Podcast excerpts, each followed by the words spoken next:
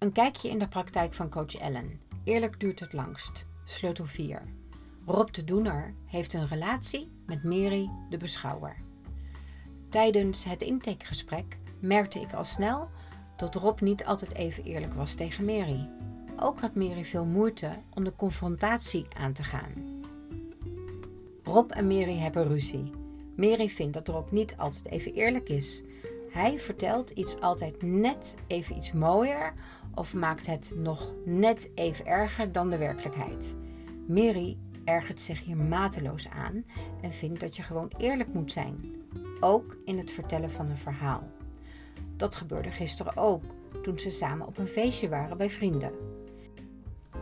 Mary zegt: Ik was er zelf toch bij toen het gebeurde wat jij vertelde?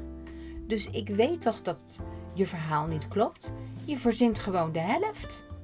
Rob zegt op zijn beurt: Ik mag zelf toch wel bepalen hoe ik mijn verhaal vertel? Wat krijgen we nou zeg? Mary reageert geïrriteerd. Het maakt toch niet uit wat ik zeg, want je hebt altijd gelijk. Mary kan er niet meer tegen en klapt dicht. Ze staat op en loopt weg.